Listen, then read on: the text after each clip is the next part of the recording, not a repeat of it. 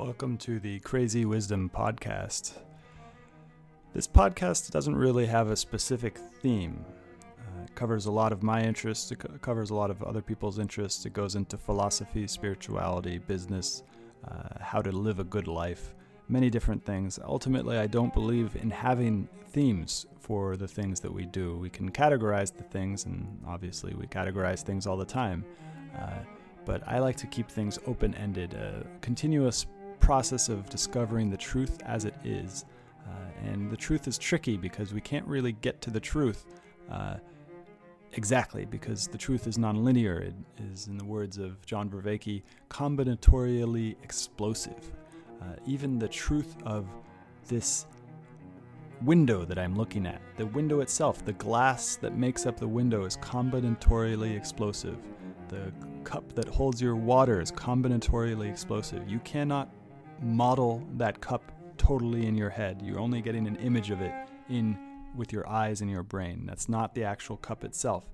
Uh, so this this show is a discovery of truth wherever it may appear by talking to people from various different fields. I've talked to artists, engineers, entrepreneurs, investors, uh, refugees. I've, I've just talking to anybody who has a glimpse into the truth.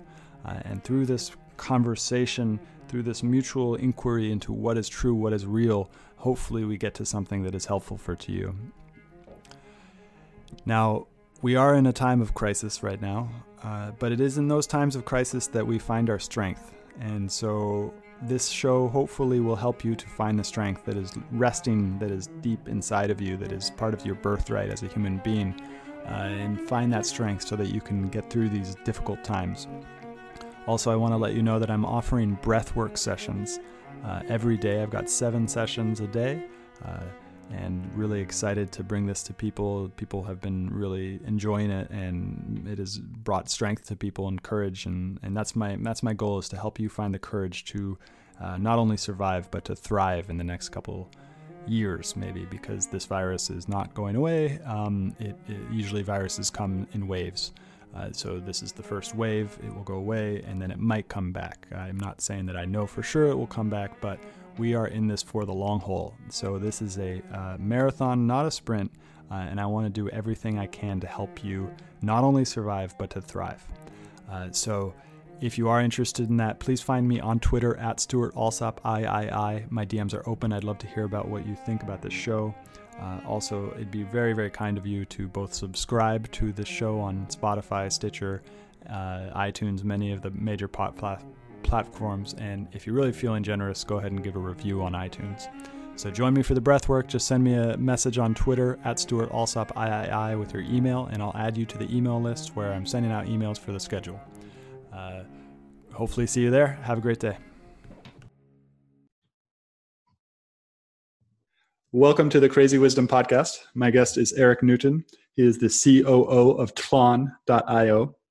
Uh, and Tlon is a, uh, I believe it's a, I actually don't know this, but I believe that it's a um, web development services for Urbit. And I was just introduced to Urbit about a couple weeks ago and have become obsessed with it. It feels like it's the answer to all these different things that I've tried to figure out on my own. Is how to, how do I have a place where I can talk without crazy people telling me that I can't say things.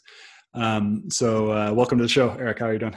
Thanks, uh, man. I'm great. I'm really very happy to be here. I was I was uh, excited and pleased when you reached out. So I'm looking Excellent. forward to a good conversation. What uh what did I get wrong there? What did I get right about the description of Urbit? I think you got it right. I mean, you didn't go particularly deep, but I mean that's that's at the highest level. That's how I think of it or or at least that's one use case of mm-hmm. how I think of what Urbit is. So, uh, and then how did you get it, how did you get involved in Urbit?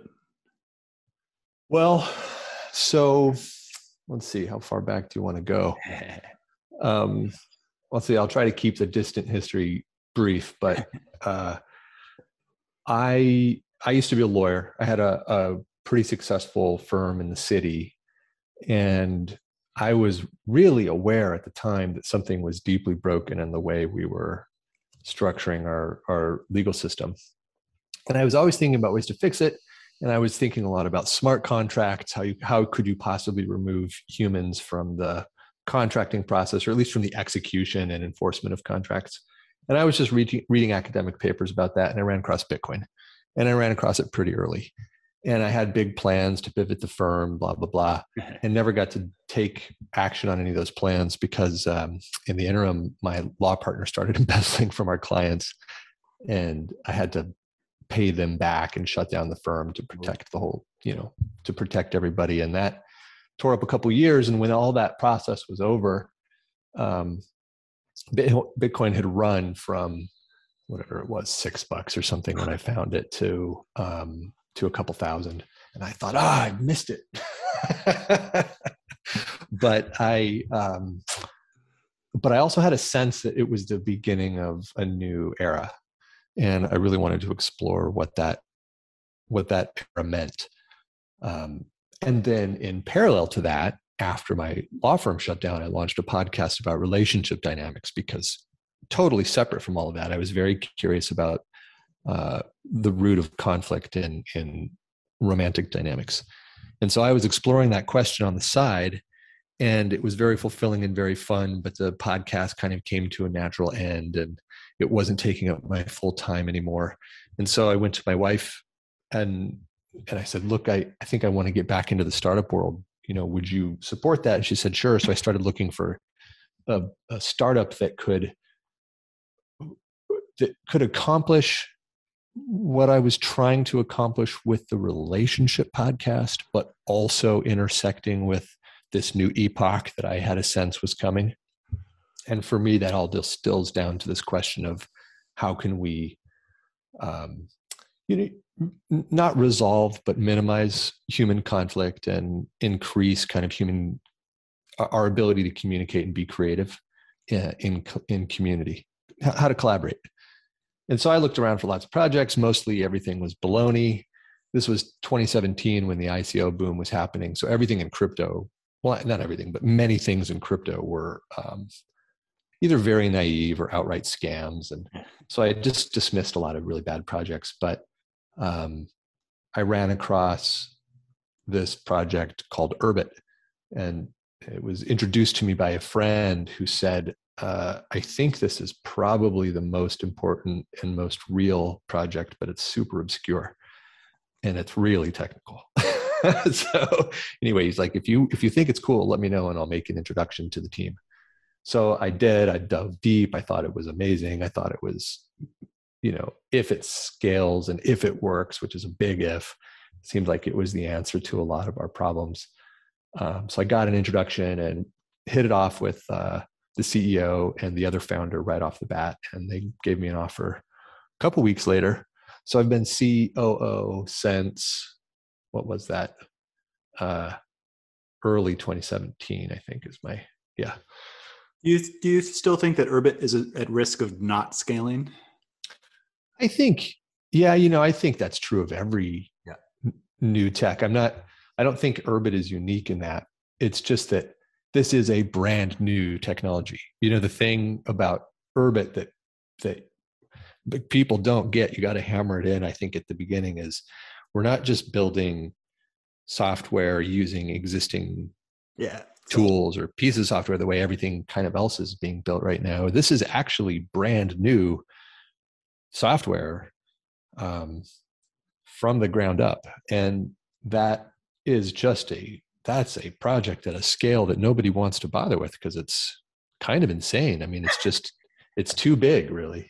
Like why would you do that? Why would you rebuild all of computing? And we have an answer of course. Um, but you know it's a big project. The the good news is this year we hit an inflection point of sorts um, having to do with stability network stability and um, and that allowed us to launch some new developer tools and ever since that moment uh, the network has blossomed in a way that was a fantasy for us you know prior to that. We were hoping that we would get to this moment and now we're here. And so it feels a lot more real than it's ever felt before but you know it could still fail. Um, and so uh, the, my understanding of Urbit at this moment, only playing around with it for a little bit, is that it's a whole new operating system and it's a whole new internet in one thing, kind of a peer-to-peer uh, internet. Is that right? Yeah, that's all true. I would pop the stack a little bit and and I would describe it more broadly. So, uh, what it you know at the highest level, what it is is um, three pieces of technology. There's a a virtual server that is the one that we were describing is built from the ground up. It's this um, you know virtual computer built to be very secure, very private, um, very durable, and very simple and easy to understand and use. Uh, and these virtual computers are all then connected by a peer-to-peer encrypted network. Mm. And then each of the computers on the network is identified by a decentralized identity system. So when you have an Urbit computer, what you have is this totally unique unique identity that's you know represented by a, a weird sounding name and a kind of a cool looking sigil. Um, and that identity is how you authenticate into your computer.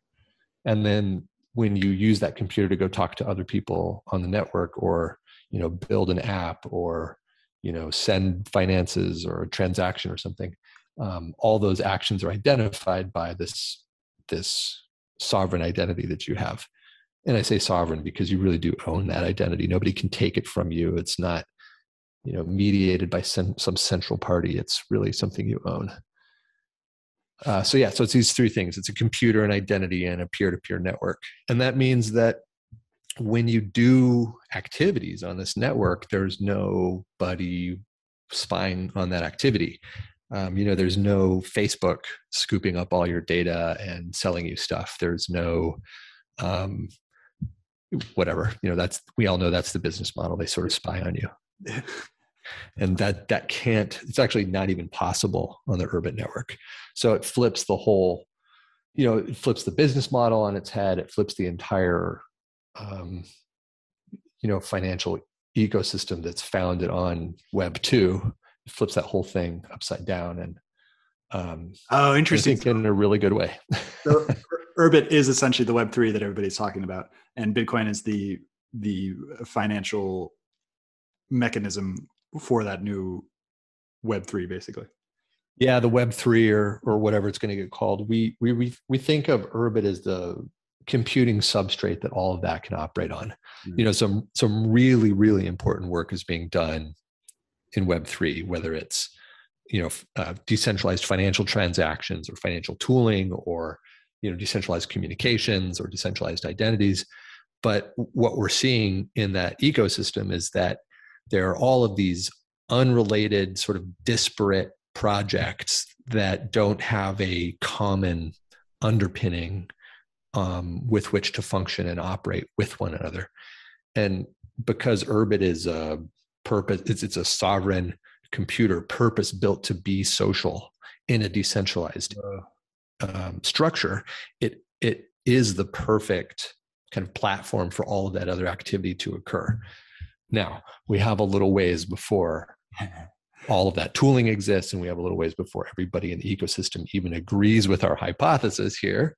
But it is it's a pretty good hypothesis in that it's technically true and it's technically feasible and now we just need to get there. The technical part i want to drill part for a second. Uh, the sorry my internet my microphone is going in and out. Anyways.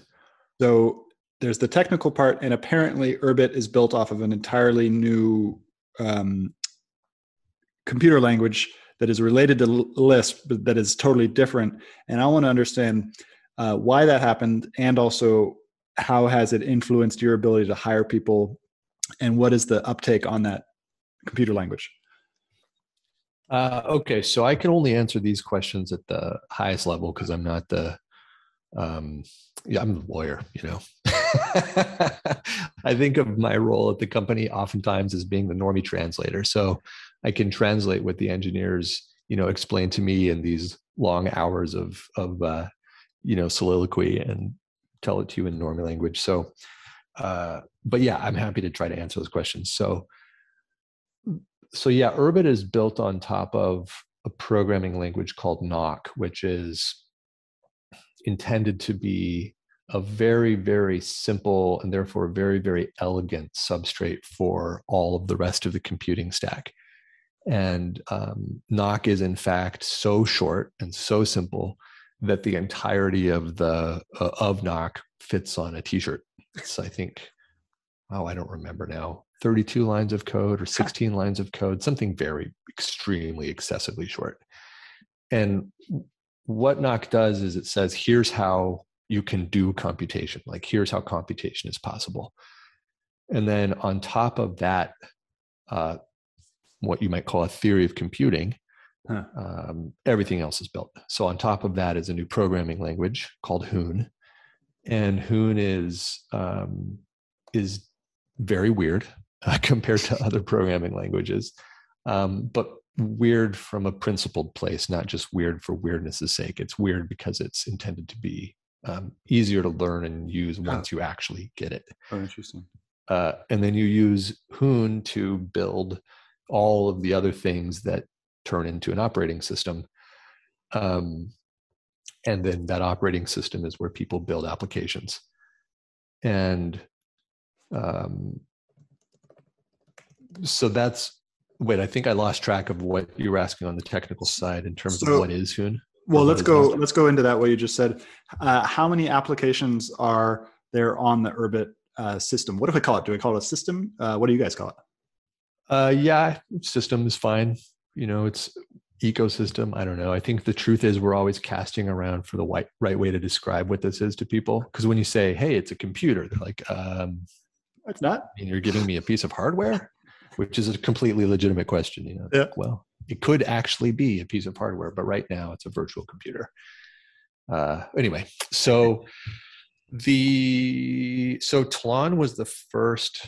Uh, so Tlon is not the only developer of Urbit, uh, but is um, what was the first, and or, or the first major developer of Urbit. Mm-hmm. And our our idea was in order to make this computer that exists here understandable to people, you've got to give it an interface. Yeah. And the sense Urbit is meant to be a social computer, meaning it's got networking built in as a primitive. Um, it should be the interface should be something having to do with social interaction. So we built this interface, which you might think of as the first application for mm. Uh, called Landscape. And Landscape looks a lot like uh, you know, it's kind of like Slack meets Discord meets Reddit. It's basically got, um, you know, direct messages as a capability. It's got a little notebook where you can um, take your own personal notes, or you can publish them as a something similar to a blog. It's got groups, and inside groups, you have you can have chats and notebooks, or you can have Reddit style uh, link sharing with messaging, but you know, connected to those links, and it's basically a way for people to, you know, hang out together and collaborate. And it was meant as a as the sort of test case to say, look, you can actually build stuff with this computer, guys. Come check it out. Huh. Um, and that worked pretty well, but the problem was we hadn't released any developer tools so that other people could play. Uh, we finally did that in October uh, this last year, 2021, and since October, I don't have an exact number because it's impossible to get an exact number because of the privacy component. Oh, interesting. But um, I know of at least 50 apps that have been built since then. Um, Holy by, shit. By just random people. And um, Tlon still only builds landscape. So we only have the one. But who built Port? Uh, what's that? Who built uh, Port, the Port interface or the Port um, Port software? Uh, Port was built by by a contributor, and then mm. we brought him in as a contractor. And honestly, I can't remember if the foundation took it over or if he's still a contractor at Tlon. Interesting. And so for the um, listeners who don't know the, the port interface, if you want to go play with Urbit, you basically, you have to go download the port interface although you're probably better at this than me. Uh, and uh, and you have to download uh, this port software onto your computer, and then you can interact with Urbit basically. Um, what what else should people know about what I just said? Well, what you said is exactly right, and it's one third of the answer of how do you use Urbit. So, if you wanted, to, if you're, you know, some listener on the show wanted to use Urbit, they basically have three options, and all of these are outlined on the uh, Urbit.org website. There's a page called, you know, how to get on, you know, how to get onboarded. But there's basically three options to use Urbit. One is you can um, run it on your own machine um, and access it through the command line. Uh, and that's if you're a very technical person and you like the command line, this is probably the most convenient way for you to do it. Um, and when I say run it on your own machine, I mean a lot of people have some hardware laying around at home, an old MacBook or something that they want to use for this purpose, and you can just boot Urbit on that MacBook. Um, and is it, a whole, it. is it a whole new operating system that you you like? No, you don't have to you don't have to like wipe out OS, yeah. you know, Mac OS or something, and then put in Urbit. It just uh, it emulates inside of uh, whatever you're already running. Um, so that's the most technical way, and the way that the kind of original people on the network used to use Urbit. Uh, then uh, somebody designed this thing called what we now call port. I don't remember what he called it originally uh, that is exactly as you described. It's basically an application that you download and you run on your machine, and it does all of the back end stuff for you that normally, if you were technical, you'd be doing in the command line. And then you can see your Urbit inside of this box on your computer, inside of whatever operating system you're already using. And then the third way to do it, um, and the way that most people are starting to do it now, mm is to have somebody else host it for you. And then you access it through a browser. Um, and what hosting means is that there's somebody running your Urbit for you in the cloud in a secure little shell. And then when you want to use your Urbit, you log into it through a web browser. And the convenience of that is you can use it on any device, just you know, as long as it's internet connected. Um, the downside is that somebody else is running it for you. And so, technically speaking, they could probably inspect your data. Um, so, people who are very, very privacy focused will use port, as you said, and people who are looking for convenience and don't care so much about the privacy side um, will use a hosted ship. Uh, and is that is that that that server that you're talking about uh, having somebody else host it? Does that mean that they are the star or that they have a star, or is this separate from that kind of naming scheme? Uh, you know, it's coincidentally that a lot of those people have a star. And th- the reason that's true is stars are just a convenient way to identify yourself on the network as a infrastructure provider.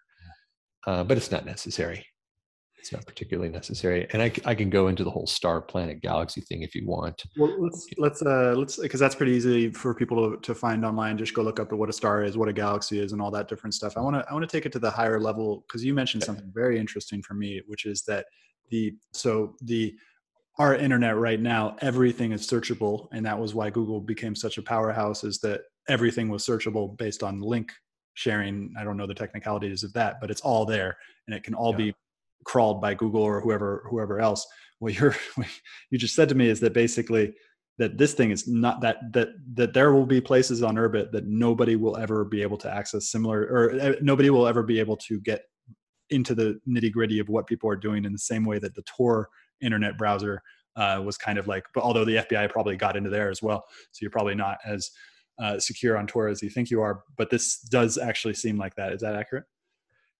It is, but maybe from a slightly different angle. So what I was, although you're onto something, and we can dive into that too. But what I was trying to express is the the business model that uh, most of Web two operates upon, which is, um, hey, we're going to provide this application for you. You know, maybe it's, you know, maybe it's your health tracker, or, you know, maybe it's um, Twitter or maybe it's your financial software. But anyway, we're going to provide this really convenient application for you, and it's going to be free or it's going to be very cheap. Uh, and you're going to log into it by going to our website or by using an application on your phone. Um, but all of the computing is going to be done on the back end on our servers and all of the data is going to be stored on our servers and that means that we get to observe all of your activity when you're using that application. And in our user agreement we say that we can do whatever we want with that data. And so we resell it. And that's why um, you know that's why when you're you know looking at it you're, you're looking at some product and you finally you find that whenever you go on any other website they're advertising the same product to you and that's why when you go to facebook they know more about you than you can possibly imagine and you can sort of sense that. It's because all this data is being observed all this activity is being observed and is being captured as data and the data is being sold and resold and resold and resold. And um, you know some people consider that to be super invasive. I do.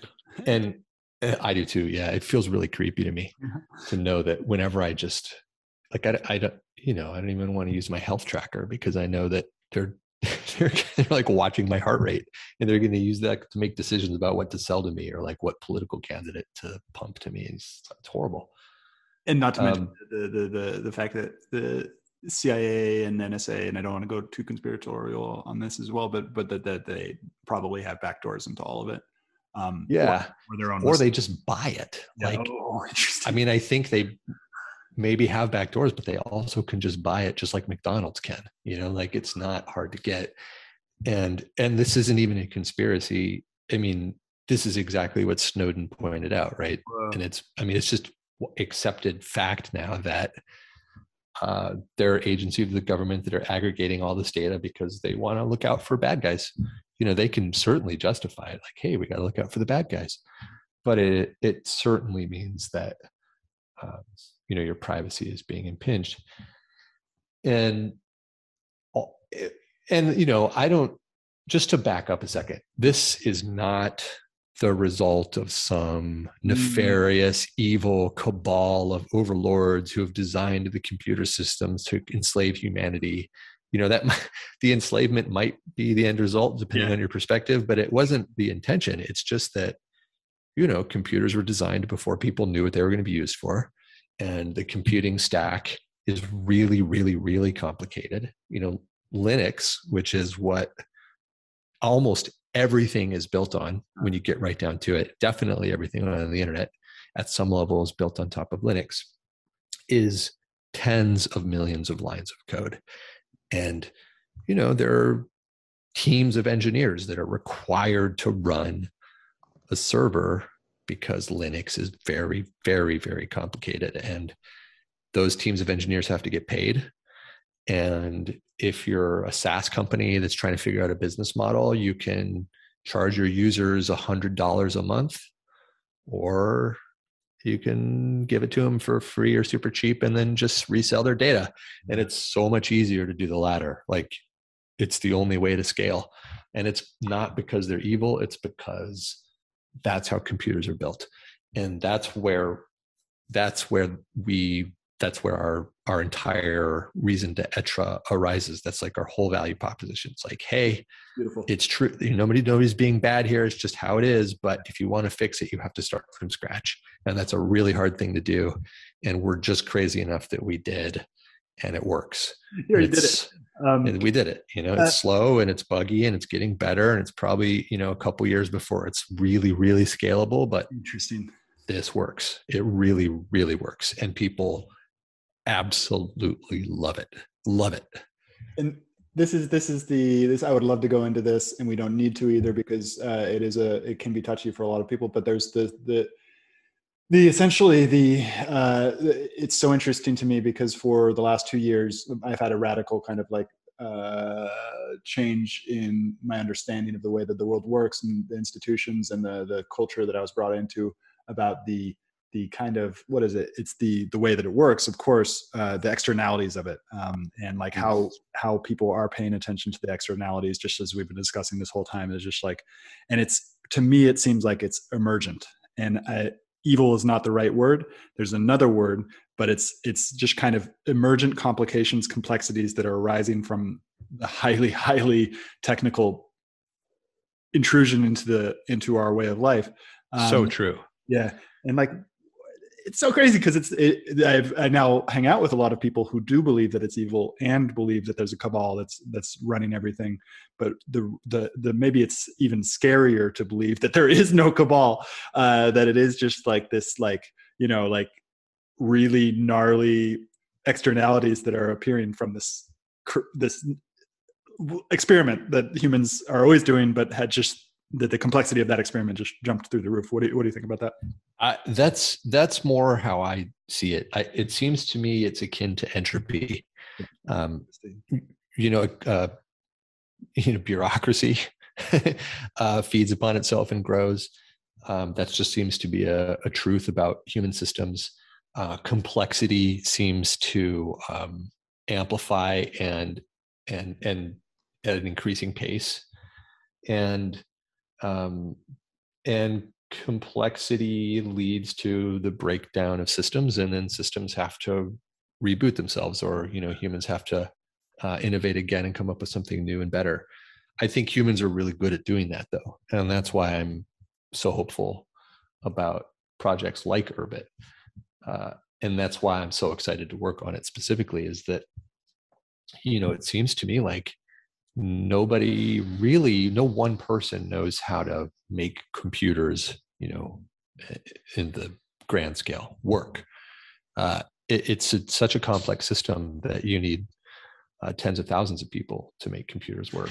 And that that's that seems like an existential threat to to humanity. And then it also leads to these externalities that we were already talking about where data mining is you know the the bit primary business model and then that means that the platforms have an incentive to get you addicted which means that they are amplifying your sense of indignation because indignation and fury and rage are probably the most addictive emotions that are easily um, amplified. And so you go on twitter and you, you immediately feel horrible about yourself and everybody around you but hey twitter's making a ton of money so or at least they have a lot of attention whether they that's a side note. Maybe they aren't making as much money as they should be given how addictive it is but regardless like all these externalities come from this complexity and yeah humanity needs to move past that. We need to move past that complexity and just get to um, elegance and simplicity. And and this is coupled with my other assertion that humans we cannot put genies back in the bottle. Ooh. every time a new possibility emerges, it will be explored. You can't, you know, we can't regress to an agrarian society with no computers. That's never going to happen. We have to move forward. And we have to move forward, like learning from our mistakes and encompassing what's mm. possible and then growing that way. And that's what Urbit represents. It's like, it's like acknowledging that the current system is broken but that people do want connected computing. We do. We want apps. We want text. We want to be able to send money to people on the other side of the planet quickly and easily. We want to talk on the phone video calls all that stuff. We want it and we're going to have it but we should have it in a way that doesn't kill us yeah. um, or make us insane or what have you. Interesting. Uh, yeah. So we've got this new system that's being built. Some people are using it. Um, if to me, it feels like it's essentially a system that is a take it or leave it type of system. Uh, so it's not for the mainstream at the moment, but it, that but the people who are most interested in uh, building things seem to be very interested in this thing. So they're all like um, moss attracted to the light are like, "Woo, uh, this is something interesting," and then those people will build things. And this is what I like about the back end type of things, and also maybe the kind of like a SaaS businesses and the, the businesses that don't get a lot of hype, um, but are so integral. Uh, so if you want to talk about that, the other thing I would love to talk about is how this will connect with hardware and maybe some of the projects that are being created right now that are um, being inside of embedded inside of phones. Because to me, it seems that our biggest existential risk is the fact that we have these supercomputers in our hands um, that are built entirely under the domain of, of these these systems that, as you said, yeah. want to addict us and want to mine our data and do all these things. So either way you want to go, let me know. Yeah, those are both fun. So the on the first topic, um, on the first topic, I'll say that I I think that the process of technology adoption that's outlined in the and you know that classic book crossing the chasm. Mm. i don't know if you're familiar with that but i think it's broadly correct. Mm. do you know how that um, are you familiar with that book? So yeah familiar with the book. It's basically it was looking at the computing industry and how the computing industry would would the personal computing would compete against each other for um, for uh, the efficiencies of those computer chips but I don't know where to go from there in terms of like, but somebody won, and then there's a chasm that you have to. How? What does that tie in?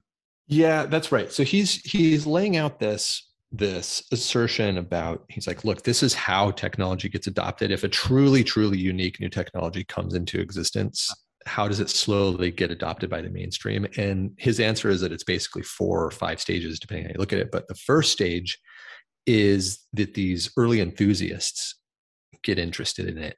And um, you know these are like the the super geeks right? The ones that they don't care about making money they don't care about you know um, notoriety they just want to tinker and they want to make something that's correct because it's correct and you know they want to be the first to work with it. These are the guys that were like in the homebrew computer club that you know eventually led to apple and everything else and um it, and and at the very early stages you've got to let the tinkerers tinker. Um, but what they create isn't so much interesting to the mainstream yet. Um, what you what they do though those guys is they get um, early visionaries which is sort of the next group of people interested in a technology. And the visionaries also are not the mainstream. They're people who are looking for some kind of a massive exponential improvement that they can use strategically. You know, they're looking for that 10x improvement on efficiency or whatever that they can use to accomplish their other goals in life. And um, once the early adopter, these visionaries start to get involved with technology, they start to develop the products and services on it that the mainstream can understand.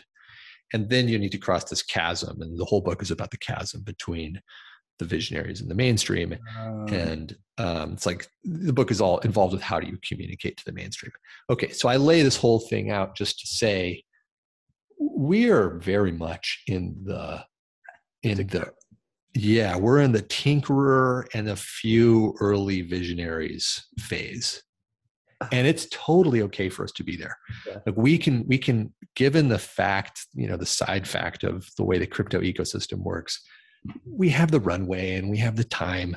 We can let the tinkerers make this thing super strong and robust. And, um, you know, it'll get to the mainstream in its appropriate time. That said, that time is quickly approaching because the mainstream is starting to realize that it's not so good to be manipulated by your tools. You know, people are starting to want to own their tools again. And that's what Urbit is all about, really autonomy and owning your tooling. So there's gonna there's increasing demand, and I think more and more people are finding their way to the network as a result.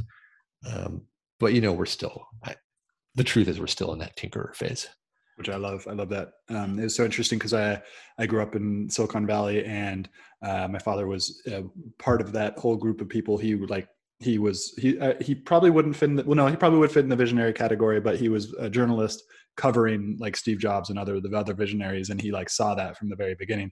And of course, as a kid, I was just like, I don't care about what you're doing. I, like this is this is this is all strange. I just want to play video games. And uh, and then uh, and then I, I go to Brazil and I end up meeting somebody who had been extremely influenced by the online YC group of people and um, Y Combinator group of people, and started telling me all this cool stuff about this place that I grew up in, and I got really really interested in it uh, and so I've I've I've like I've never had anything except for Bitcoin, which is kind of captured my interest in a way uh, that's like, oh, this is big. This is something that will that will stand for thousands of years, basically. Um, and so it's been very interesting for me to get involved in the Bitcoin kind of area, and then but it, it, and then I started looking at Ethereum and all these other things, and um, I'm interested in verifying whether Luna is a is a Ponzi scam or whether it's an actual an actual interesting kind of new new way to um, do something, uh, and like all these other let, ones. Let me know if you figure it out. yeah, I'll try. Um, it's always hard with that. Always hard with those those types of things. But uh, um, but then it but it, it did seem like the the the way that cryptocurrency is going is off in terms of where it's headed. Um, because and this is this is where the Bitcoin maximalists have influenced me. Um, is that well? Let's just go from the from the beginning bitcoin is sound money. It is the the hardest kind of cryptocurrency. It's the one that made all the other ones possible. Ethereum is an interesting experiment right now. But me currently unless you've gotten into ethereum very early and made some very big bets it's unusable at the moment um, because it's just so expensive to use and it's kind of slow. Um, if they can if they can lower that with the the their the change to proof of stake then that's a very interesting thing. But it seemed like what is what, there's there's bitcoin there's everything else uh, and then but then what is the rest of it? And urbit seems like it is the rest of it in terms of like where is the place where you actually spend your bitcoin? Um, and, it, and it feels like urbit is, is where you spend your bitcoin. Once it goes up i still have to figure out how to actually um, put my bitcoin on the urbit uh, which will be interesting. Uh, this brings in we can go back to that hardware question later but what about this um, like have you spent Bitcoin on anything on Urbit? What are what are people spending Bitcoin on, and hmm. are, are they using it in this way? Uh, that's a super important question. The answer is yeah. We have a Bitcoin wallet, and you can actually use it to send people money. And in fact, the Bitcoin wallet's pretty slick. You can send people money in chats. But the truth is that Urbit isn't proved to be secure yet. Oh. And so I'm um, I'm really careful about putting any large amount of value on Urbit. Um, we're you know, when I talk to our engineers, they tell me we're 18 months away from being able to, uh, you know, really put significant value on Urbit itself. Interesting. And in the meantime, we're just, you know, you've got to build the network and build all the use cases around it. And they're working hard on hardening the kernel. So, uh, that's just the caveat. You know, be careful for now. Don't put a ton of value on Urbit. Eventually, it'll be secure, and when it is, we'll announce it to the world. In the meantime, do all the other cool stuff that you can do. But when it comes, it's going to be so cool because the um, value transaction mechanism, like the idea of value, and Bitcoin is the uh, is the only currency that's currently built into this uh, uh, at that layer is embedded in Urbit at its at its deepest level. So it's super simple to just send somebody uh, assets in a chat huh. or and, and to track the fact that you've done that and for the data to um, be cross compatible with all of the other applications that are built in parallel to the wallet on Urbit. Uh, it's just a really simple, elegant way to work with other people because you don't have to go to an outside application to send value oh, cool. or to transact with them. It can all be done right there in the same exact uh, substrate. So a particular so, use case that that brings to mind is like uh, uh, what what is something I bought recently on the internet. Um, oh yeah, so uh, FocusMate. I go on. I, I paid money on FocusMate. In order to pay on FocusMate, pay them, then you have to go download this. Uh, you have to go to PayPal site, and then you have to go put in your password. Um, and uh, and sometimes I forget my password, and so it's it's just complicated unless they've unless those systems have integrated. But as we've been discussing this whole time, I'm not sure I want PayPal to be integrating with everything. Totally. Um, uh, and so so Urbit is a way of actually doing that. And, and so let's talk more about the the groups uh, that are on Urbit. How many groups would you guess that are on Urbit that are active? That's so tough. Uh, so let me just say, I'll try to answer. I don't totally know. The caveat, the reason I can't answer is um, by design, we don't have any way of knowing what people are doing. So once somebody's bought a, well, we don't even, there's lots of ways that people can buy an Urbit planet. So we don't even know who's buying them. um, we can see on chain about how many get booted. So we have a rough idea of how many people get onto the network. But once they're there, we have no idea what they do. We don't know what groups they start. We don't know what groups they talk in. We don't know who they talk to, what they transact, how many apps they install. We don't know any of that. And that makes it really hard to share metrics, but we think it's a I mean, that's the right problem to have. Like that is how it should be, right? Um, so I don't know exactly how many groups, but we track um, we track around 60 that you know they're always popping up and kind of disappearing. Um, you know, they'll pop up and you know 10 will pop up in a week. Two of them will really stick around for you know indefinitely and the other eight will you know stick around for a month and then languish. Um, but the there there's somebody on our team who tries to just be involved in all the cool groups and uh, i think he told me that there's about 60 strong ones at the moment. Interesting. Okay. Interesting um, it's i love the fact that you can't you can't actually tell uh, that's such a beautiful aspect um, yeah, you actually have to be invited to the group to even know that it exists, you know, which we don't actually. This is a funny story. So, the conference that we just had, uh, we, we our annual conference is called Assembly.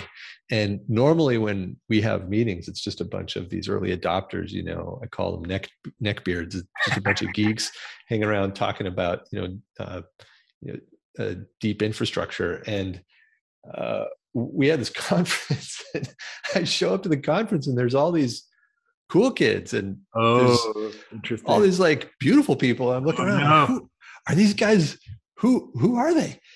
Turns out that there was this community in New York that had oh, no. found out about Urbit, completely independent of us, and had launched groups and had bought planets and had been interacting with each other and having a life on Urbit, and then heard about the conference and came to it. And they were amazing and it was so nice to to see that it had jumped out of our like our circle of influence um, that was a cool moment to see that it had, had grown beyond us so little baby you know? i'm going to make a note here because i would love to interview the guy who makes it a thing to go into all the groups and then i would love to actually find out what that community is and start to interview them as well oh yeah i'm happy to introduce you actually those that community has grown into the whole milady um, have you seen this Milady thing? No, no, no, no. There's these there are these NFTs called Miladies, uh-huh. and they're uh, there's kind of like anime-ish looking images of of girls huh. uh, programmatically generated with all different like outfits or whatever. And you know they were obscure and basically free a month ago, and now they're trading for like 10 ETH each or something crazy. Uh, I don't even know what they're going for, but I know they've gone up a lot. Um, and but the reason they've gone up a lot is because they have this kind of cult-like community that's really funny, and um, they're on Twitter and they're on and they're and they were on Reddit. I think they just got booted, and they're and they're on Urbit. And uh, I know that they spun out of that group of kids that were at the conference. So um, fascinating. Yeah, I'm happy to introduce you to those guys. They're they're weird and wild and, and very cool. And so um, this brings into the question of Ethereum because I talked with someone else at Tlon um, and uh, they mentioned that Urbit had built some sort of layer two, their own layer two, because Ethereum itself was getting too expensive and too crazy. Yeah. Can you talk more about that? Yeah, the history there, to give you the context, uh, you know, Urbit existed long before Bitcoin and Ethereum existed. Well, not long before. The project started in 2002. Huh. The network went live in 2012. Wow. And at the time that the network went live, the founder had already given out a bunch of address space to people, but there was no way to provably and permanently give it away. Uh, ownership was just listed in a text document on our GitHub repo. Actually, it's still there. If you ever want to just do some fun archaeology in your in your geeky you can look on our GitHub repo and you can find this text document that lists who owns what circa 2012. And it's, you know, obviously that's insufficient for a decentralized network. And so, um, you know, the founder at the time sort of hypothesized that something like Ethereum would come around and, you know, maybe colored Bitcoins were the solution to how to solve this, but that didn't work out. And then Ethereum launched and it gained traction and it had momentum and it was imperfect but the best solution for what we needed to do which was make sure that everybody actually cryptographically owned their identity on the network uh, so we leveraged ethereum launched all of the um, address space um, in the form of NFTs, tokens. And I think we were the first large scale NFT project on Ethereum. Um, hmm. And when we launched it, nobody knew what an NFT was or cared. And uh, um, and it was fairly cheap to transact at the time. You know, we hadn't we didn't really predict what was going to happen with gas prices. We didn't think it would happen as fast as it did. Um, but now you know what what occurred, right? All of a sudden, everybody was uh, you know building their applications on Ethereum. So the the oh, essentially you might call it the bandwidth just came really tight. So gas got really expensive. And interesting. So it's a good thing. It's an, it's not good. That it's a it's a utility. The reason why Ethereum is so expensive is because so many people started developing on Ethereum. Oh, um, that's for sure. Yeah. The reason gas is expensive is because everybody's doing you know all of defi and all of nft and everything is on ethereum and so everybody's competing for that compute which incidentally is the reason that it's a really really bad idea to have a social network built on a blockchain because if you have all of that activity your chats and your messages and everything your photographs and your videos on a blockchain you're competing with everybody else who needs to use a blockchain um, to lodge that data, and it's completely unnecessary. Um, all you need is the thing that you actually need, which is a thing that has to be provable to the entire world, because that's what a blockchain is for. It's like you want to make something provable and indisputable to the whole world, use a blockchain. That's why money is really good on a blockchain. And it's also why identity is really good on a blockchain. Mm. So Urbit takes everything off of the blockchain except identity. Interesting. Um, but back to the point, yes, we're all of a sudden competing with all of DeFi. And so everybody's competing to use Ethereum's compute at the same exact time, which causes the cost of using it to go way high. And that's what we refer to as gas. Um, so the solution to that, that everybody came up with simultaneously all across the ecosystem, is well, we need to create these roll ups. We need to create these layer twos, where basically you combine a whole bunch of transactions into one and that way you share the cost cost of one transaction across many and um, that's why it gets cheaper if you use a layer two uh, so we cast around for somebody else building a layer two and none of them really seemed sufficient and we couldn't really rely on their development pipeline or their timelines and we just decided boy if, if we got to rely on it it means we got to build it ourselves which is you know typical urbit build it from the ground up, do it yourself, you know, completely reinvent the wheel. Um, uh, and so, how many people work at Swan? Uh, what are we at to the mid 40s now, mm-hmm. low 40s, if you include all the contractors. Uh-huh. Um, and took about three or four of them about six months to build the layer two. I think. Yeah. And we did, and it works and it's great. And I think we launched it before anybody else, as far as I know, and it is screaming fast, super cheap. Uh, I'm really glad we built it ourselves, even though it caused a little bit of a delay in getting people onboarded to the network. This brings up an interesting question. For context, I'll explain that uh, when WhatsApp was built, it was huge. Uh, yeah. When it was built, it was like it was they had already had a huge amount of users, and they only had uh, I think like 19 employees. I might be confusing the amount of employees for how much Facebook paid for them. Uh, it might have been 19 billion. Uh, but I but they had a small amount of employees that were able to do a huge huge job. And it always takes me back i was at south by southwest like many years ago after my first company had failed. And um, and i was talking to this uh, board game developer uh, who had who had started a company had gone to 500 uh, 500 employees and absolutely hated management never wanted to do it again. And so on his current company he said i'm never growing above 12 people um, and uh, and, uh, and so he, he, was able to do that, and he said it was actually more effective. Um, and that seems to be, you know, what many people fear is that essentially like it's going to be really, really hard to get a job. But the the plus side to that is that it's also going to be very, very easy to build your own thing if you have that that type of spirit. Um, and not everybody does, and we will have to figure out a way to actually like who knows what that's going to look like. Um, but uh, I think that's true. Just for what it's worth, I, I, I think there's well when you have a super complex system you need a lot of people to run it but then that leads to complexity in your organization which then mm. leads complexity in your application which you know it's a mess and it's better if you have a simpler structure simpler infrastructure and therefore a simpler and smaller team and therefore a simpler and smaller offering.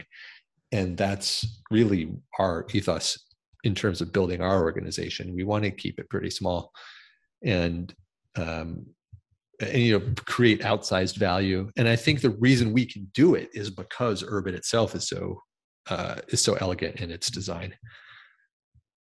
And so, how many other companies? Uh, so, so well, I guess the first question is: Is Tlon making money?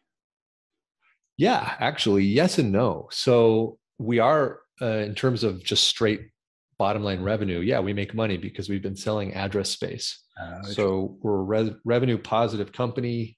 Um, we had a very early seed round, which was super, super, super tiny and um, never had to go back for another dip at the well.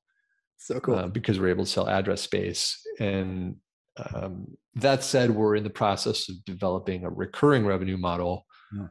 that doesn't rely on address space. And that's going very well too. So, um, you know, coincidentally, we're exploring doing another equity round, huh. which would technically be our our Series A. Huh. Um, but we're not convinced it's the right move. And the good news is we don't have to do it. So we we have a lot of flexibility. That's a that's an excellent place to be. And yeah, then that's a good place to be. How many other companies that are working around Urbit are profitable? Oh, we could actually just say how many other companies in general, but and then how many of those are making money? I don't know in terms of how they're making money. Mm. Um, I can give you a rough number on the number of companies. So in the last six months or so, uh, I think it's six, five or six um, venture backed or, or seed stage, uh, you know, traditional seed stage companies have launched to build exclusively on Urbit. And collectively, they've raised, I think, 15 million to do that. Okay. And then there are, you know, I've heard of seven or eight others that are in the kind of infancy pre-seed figuring out what the heck they're going to do and then there's just lots of people taking grants to go and explore building stuff because uh, we have, a, we have a foundation that gives okay. out grants of Urbit stars you know Urbit address space which trades on the open market so it has some value.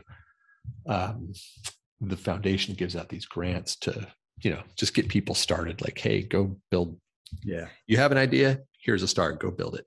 Uh, and then some of those turn into businesses. So it's a pretty good pipeline. That's so cool. Um, uh, so uh, uh first of all i want to ask you do you have a hard stop? Uh, can we keep on going? Uh, you know we can keep going i'm supposed to talk to one of our advisors but i'll just i can text him and tell him i'll be late we'll go another 10, 10 minutes or so yeah yeah uh, and then, uh, so while you're doing that, I'll just set the stage a little bit. Um, I'm, I'm, I'm extremely thankful for all the information that we've got on Urbit because I'm very interested in figuring out what it is and, and continue to explore it. Um, the, uh, but I also want to shift gears a little bit to talk more about the podcast that you had. Um, oh, sure. Yeah, in particular about conflict. And did you did you resolve that? How how can humans uh, minimize conflict when it comes to relationships?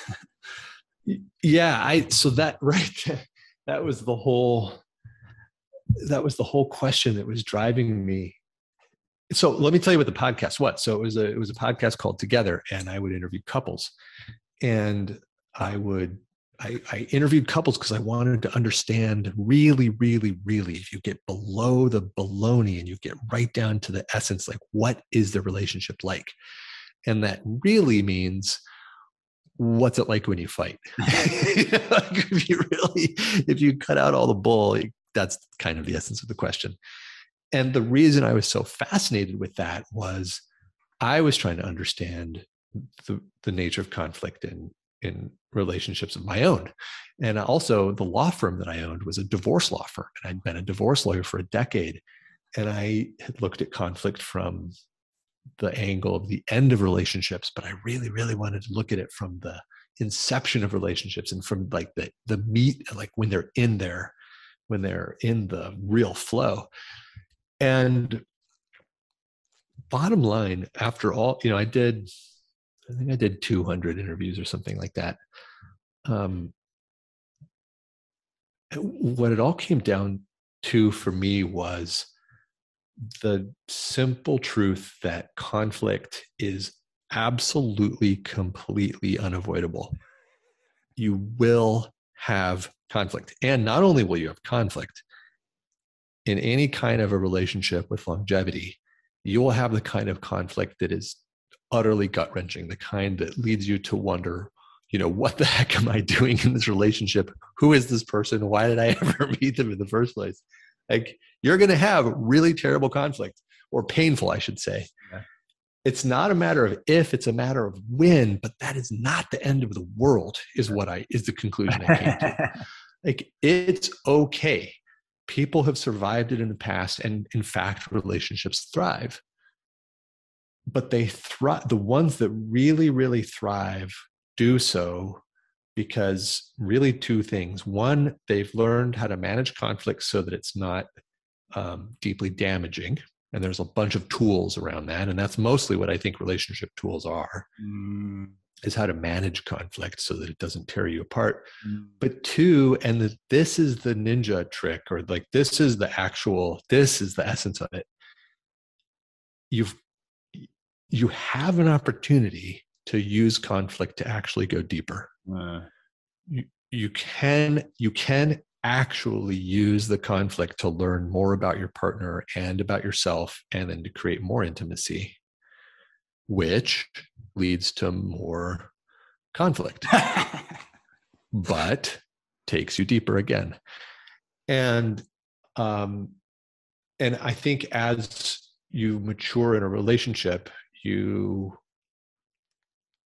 I, I, hate to make a global statement, but I actually think it's true. I, I, think as you mature in a relationship, you take the conflict less seriously in terms of like you take it less painfully. You have more tools to deal with the fact of it, and you automatically use it to create more intimacy, as hard as that is. Mm. And then it becomes less painful and more deepening, and less painful and more deepening as you get older. And that's that's how a beautiful, true, honest um, not fake PR relationship goes. Um, and and you know we're not really taught how to do that, so it takes a lot of work to get to that point. But it's not something that's impossible to learn. Like that is a completely possible thing to learn, and that's that's what I learned out of the podcast. And then I wrote a manuscript for a book that tried to distill all that stuff and um, and then it just turned into a sales job and i was like i don't i don't want to do this now so moved on to other things. Such a beautiful uh, takeaway from that because uh, for a long time, and I know that this is very common, that you know life was very painful early on, and so I was like, just not going to do relationships uh, and then uh, but then of course it's impossible to live on this planet without relationships because living on the planet means relationship as i'm as i'm learning with with my goats and with my sheep and all, all these and then other people as well. And other people are much more complicated than goats and sheep goats and sheep are really simple. Um, and uh, and uh, yeah so i'll give an example for conflict with uh, with goats and sheep. I just got a new goat today a baby goat today. And uh, and it's very uh, and then well i lost i lost a, a, a older baby goat uh, back in november. A mountain lion came and robbed it from me. And then uh, and then i've learned that i have to keep him indoors. And so it was very mm. painful to to have that lesson. Uh, uh, but then i just got a new baby goat and I have to I had to enter the baby goat into the herd that's already there, made up of one sheep and one goat. Um, and I was expecting the sheep who's aggressive and headbutts me to to basically uh, be the problem uh, one as I integrated this baby goat into the herd. Um, but it turns out that the other female goat was the was the problem and tr- started treating it like a, a, normal goat and headbutting it and stuff like that. So I had to whack it with a stick a couple times and uh, and uh, and uh, and so there's this this that that's like simple animal conflict and simple animal conflict is easier than human conflict because human conflict we have these imaginations that essentially just go exponentially uh, and create all sorts of problems that don't exist they don't really exist um, but they exist in that subjective sense that you know if you're fearing if you are feeling fear or anger there is nothing you can do to say i am not fear, feeling that fear or anger. You you do feel that anger but at an absolute level that fear and anger might not actually exist in the same way that you think and it's certainly not related to the way that the story that you created or it's it's not a one-to-one truth kind of thing with the story. The story is a fabrication to allow you to get through it um, most of the times. Uh, so that's been a very very interesting thing for me. And now it's like how to actually come into relationship with humans because for me when I was younger, the, most of the pain came from my relationships with other humans, as I think is, is mm-hmm. very, very, very standard. Um, and uh, so totally. it's very important. Maybe I should go back and listen to your podcast to, to understand. Uh, maybe I don't know. I mean, you just, you just, you just dropped a lot of wisdom there. I really like all I could. I was sitting here nodding. I couldn't agree more.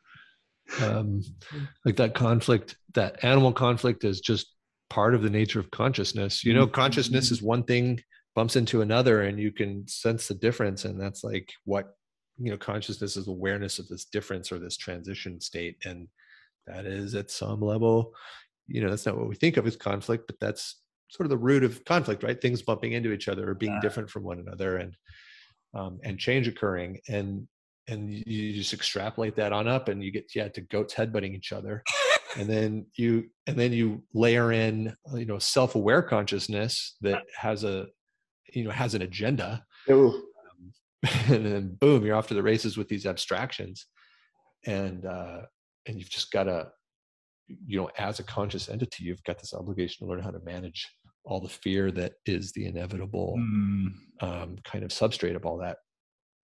And that's what we're all facing you know? We're all facing it. But that's like that's the that's like the key you know? That's the key to really understanding people. Like that's the key to the magic. Beautiful. Um so uh and uh the last couple minutes well, I, I kind of want to ask one more question about uh, being a lawyer. Uh, besides, yeah. besides the the uh, conflict from the divorce angle, what have you learned about conflict from the the the angle of um, companies and uh, how to minimize conflict within companies? Uh, you know, I think it's so so similar, and in the end, when well, intra intra mm-hmm. company would be between companies, right? And intercompany would be within the company. Yep. The intercompany conflict is the easier one for me to talk about. Mm. Uh, and that's because we at Tlon don't have a lot of intra-company conflict. Um, so I don't have a ton of experience running this company, eh, you know, and having to butt heads with others. Um, because so far, at least, our agendas are all aligned. Everybody that we work with, we're all trying to accomplish the same thing and to the extent that we're not it's a matter of uh, being super super transparent about what mm-hmm. we do mm-hmm. want well actually maybe that's the answer because the intercompany conflict is the same um, there's fear right that mm-hmm. drives people to behave in some pretty funny ways and um, and that tends to cause people to try to hold their cards close to their mm. chest and not even be honest with themselves about their agendas. And that can lead to some awfully weird dynamics. And in the end, what I find over and over and over is it's just a matter of, of um, putting people at ease to the extent that they can reduce their fear and then just really be transparent about what we're trying to accomplish. And the, I guess the inverse way of saying that is like start with the core values. What are we really trying to accomplish here? And build up from there. And approaching things from that, um, so far at least at our company size, resolves the conflict that happens um, within the company and gets us to really good decision making. Um, and when we find that we're having bad decision making, it's yeah, it's the opposite of that. It's we're not communicating effectively and we're not communicating effectively because we're scared. Mm. scared about some personal egoic you know identity based probably fiction. So i don't want to uh, i want to i want to make sure you get to the next thing on time but uh, um, how can people find out anything you want to share with people about about Tlon or about any personal work? How uh, how can people find you uh, yeah. So I'm easiest to find if you're not on Urbit. I personally am easiest to find on Twitter at Newton Law. Um, if you are on Urbit, I'm at Patnus Rigtine. That's my uh, ship's name. And the way you can find out about Urbit is urbit.org. And if you don't know how to spell that, or if you're not looking at the show notes, that's U-R-B-I-T.org. And our company, you know, one of the developers of Urbit, is at tlon.io, T L O N.io. And what our website is, uh, is a waiting list that you can sign up for to get a hosted Urbit. So if you put your name on our waiting list, um, as we start to scale out our hosting program, we'll offer you a hosted ship if you want one. Um, but you don't need to wait for us. You can go to urbit.org and get on Urbit as well. Cool. And yeah, that's how to find us. Thanks for having us on the show. This was a lot of fun. As with every podcast, I always want to go so much deeper, but and I don't do the uh, I don't do the Joe Rogan three hour podcast. it's hard to go that long. Yeah. Thank you so much. Yeah, my pleasure. Thank you. Hope you enjoyed this episode. I'll be publishing episodes every Monday, Wednesday, and Friday in the morning. If you did enjoy this episode, please find us on iTunes, Spotify, Stitcher, many of the major podcasting platforms, and go ahead and give us a review. And also subscribe. And as always, I'm on Twitter at Stuart Alsop III. Come join the conversation as we aim towards the truth. And the funny thing about truth is that you can't really put it into words because every time you put the truth into words, create a linear narrative out of something that is nonlinear. The truth is nonlinear. It's not. It's. It's. If you really recognize the truth right now, your mind wouldn't know what to do. It'd be overwhelmed by beauty, and pain, or it's. It's something that is beyond our linguistic capability to represent but that doesn't mean that the language isn't helpful. Language can point us in the direct right direction, but it's it's not it's not the truth itself. And so come join this collective inquiry into the truth. Find me on Twitter at Stuart Alsop III. Uh, subscribe to the podcast. Share the podcast with your friends. Uh, most people don't have the ability to let go of this linguistic understanding of the way that the world works and just aim for the truth regardless of what the language tells us. Uh, and so I think what I'm doing with this this show is is necessary for us because as we enter this stage of uncertainty uh, and we are most definitely entering an age of uncertainty. And as we do, it's really, really important that we stop paying attention to what the mind is telling us all the doesn't mean to say that the mind doesn't have its place. The mind obviously has its place, but it's just one of the senses. It's just one of the tools that we can use. We can use the mind, we can use the feelings, we can use our actual senses.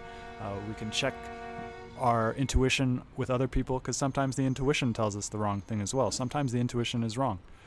So it, we can't we can't rely on any one tool to get us there. So come join the show. Find us on iTunes. Find us on Twitter at Stuart Alsop III, uh, and come join the, this inquiry for truth.